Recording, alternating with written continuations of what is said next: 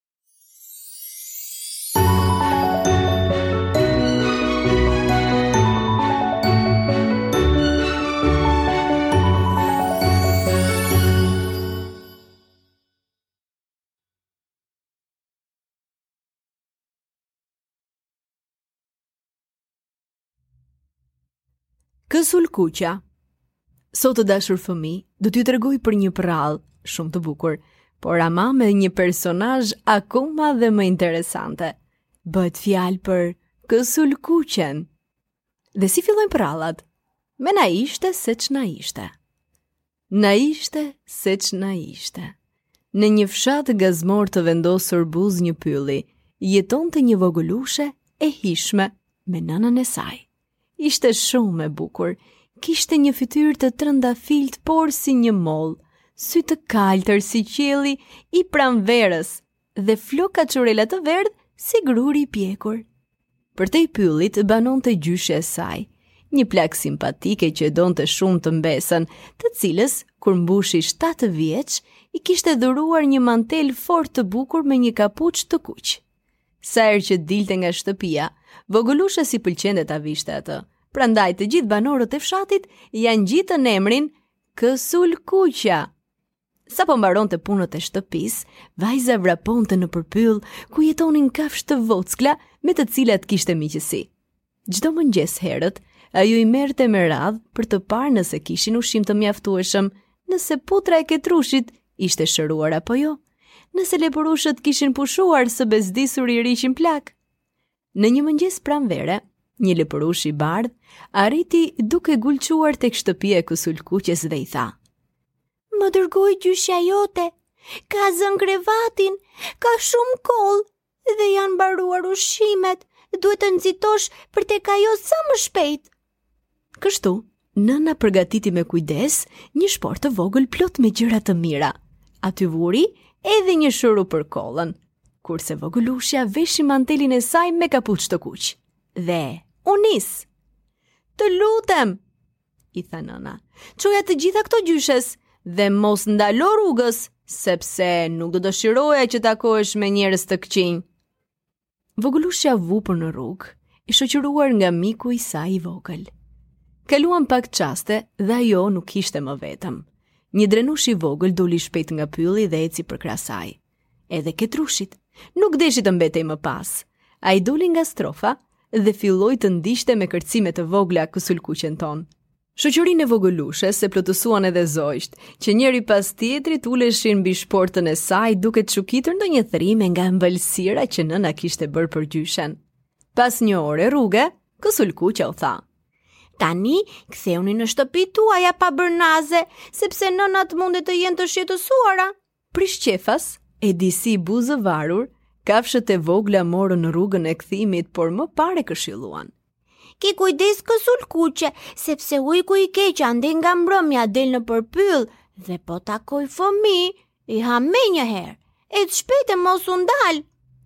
Mos kini merak, do të kem kujdes, Tha vajza dhe vazhdoi të ecte vetëm me hap të shpejt.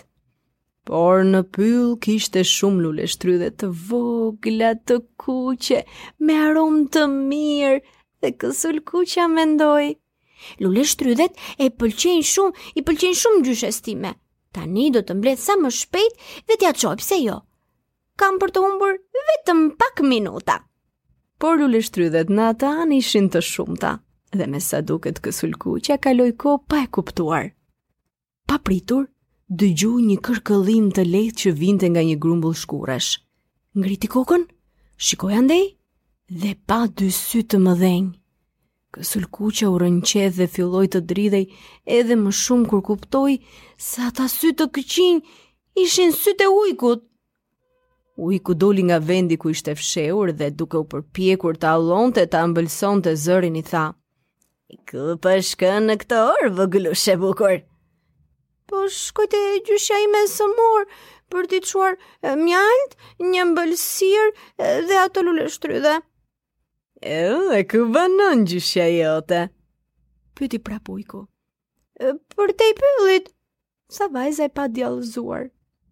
Ujku dinak, i uroi shërim të shpejtë për gjyshen, dhe pasi e përshëndeti Kësulkuqen, me katër kërcime të shpejta, u zhduk nëpër anën tjetër të pyllit. E habitur vogëlushja mori rrugën përsëri ndërkohë ujku, duke vrapuar si era kishte arritur në afërsi të shtëpisë së gjyshes.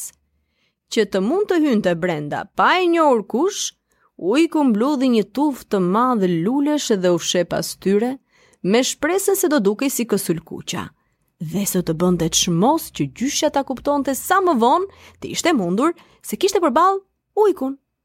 Iu afrua shtëpisë me hapa të lehtë dhe trokiti tri herë në portë. Tak,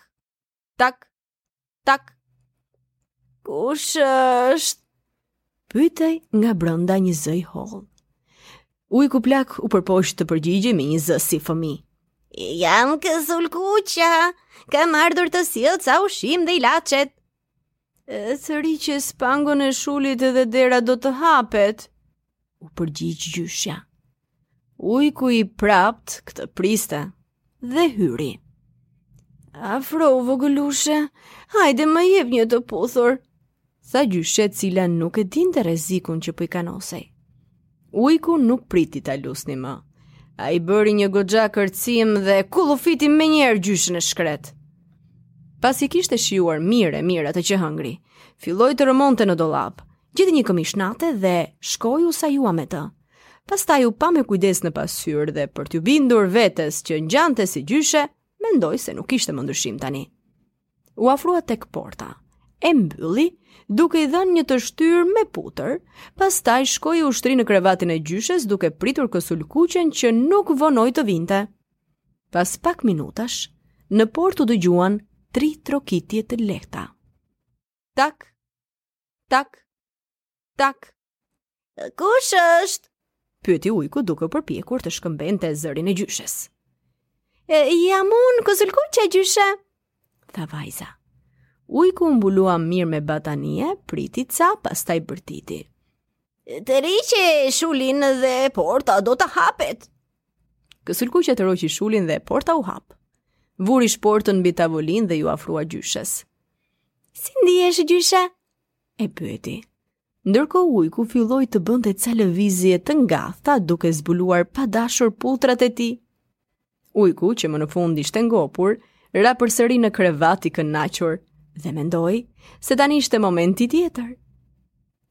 Në atë moment, Kësulkuqja u afrua dhe e pyeti. Ua, gjyshe, po ti sikur ke ndryshuar shumë shumë më duket.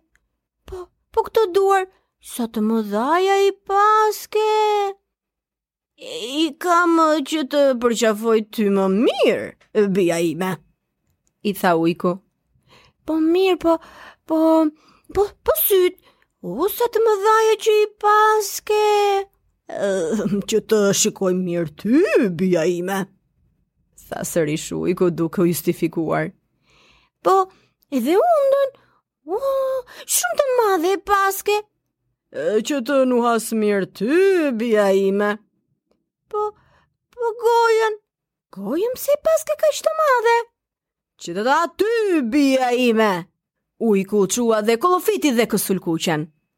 E shkreta Kësulkuqe. Po aty, kishte kaluar gjuetari që me sa dukej e kishte dëgjuar këtë bisedë nga larg dhe e ndjeu diçka nuk shkonte në atë shtëpi. U afrua dhe pa ujkun i cili po flinte për shtatë palë qejfe. Shkoi dhe ngadalë i hapi barkun. Dhe nga ai bark doli gjyshja dhe Kësulkuqja. Shhh. Mos flisni, mos bëni zë, sepse tani do të marrim gurë nga uji i lumit dhe do t'i hedhim brënda këtu në këtë bark. Dhe ashtu bënë, morën një e dy e tre gurë dhe i futën brënda barkut të ujkut. E qepën mirë e mirë dhe pritën të shihnin te dritarja. Ujku u çua, se me sa duke i piheshe ujë, Donte që të shuante etjen nga ajo e ngrënë e mirë. Dhe mezi po ecte, dhe mezi po ecte, dhe tha. Do shkoj te lumi të pi pak ujë tani. Oh, sa kam ngrënë, më duket për disa ditë. Dhe duke ecur, ujku me atë rëndesë me gurët që nuk i dinte se kishte gurë, shkoi drejt lumit kur ajo peshë e madhe, këlltup, ra brenda. Dhe ja, Kaq e pati ujku. Dhe më në fund, Kësulkuqja jonë, gjyshja, edhe gjuetari, arritën të gëzonin me të madhe. Por ama, Kësulkuqe, ki kujdes herën tjetër, duhet të shikosh vetëm rrugën tënde, e mos i flisni asnjë të panjohuri.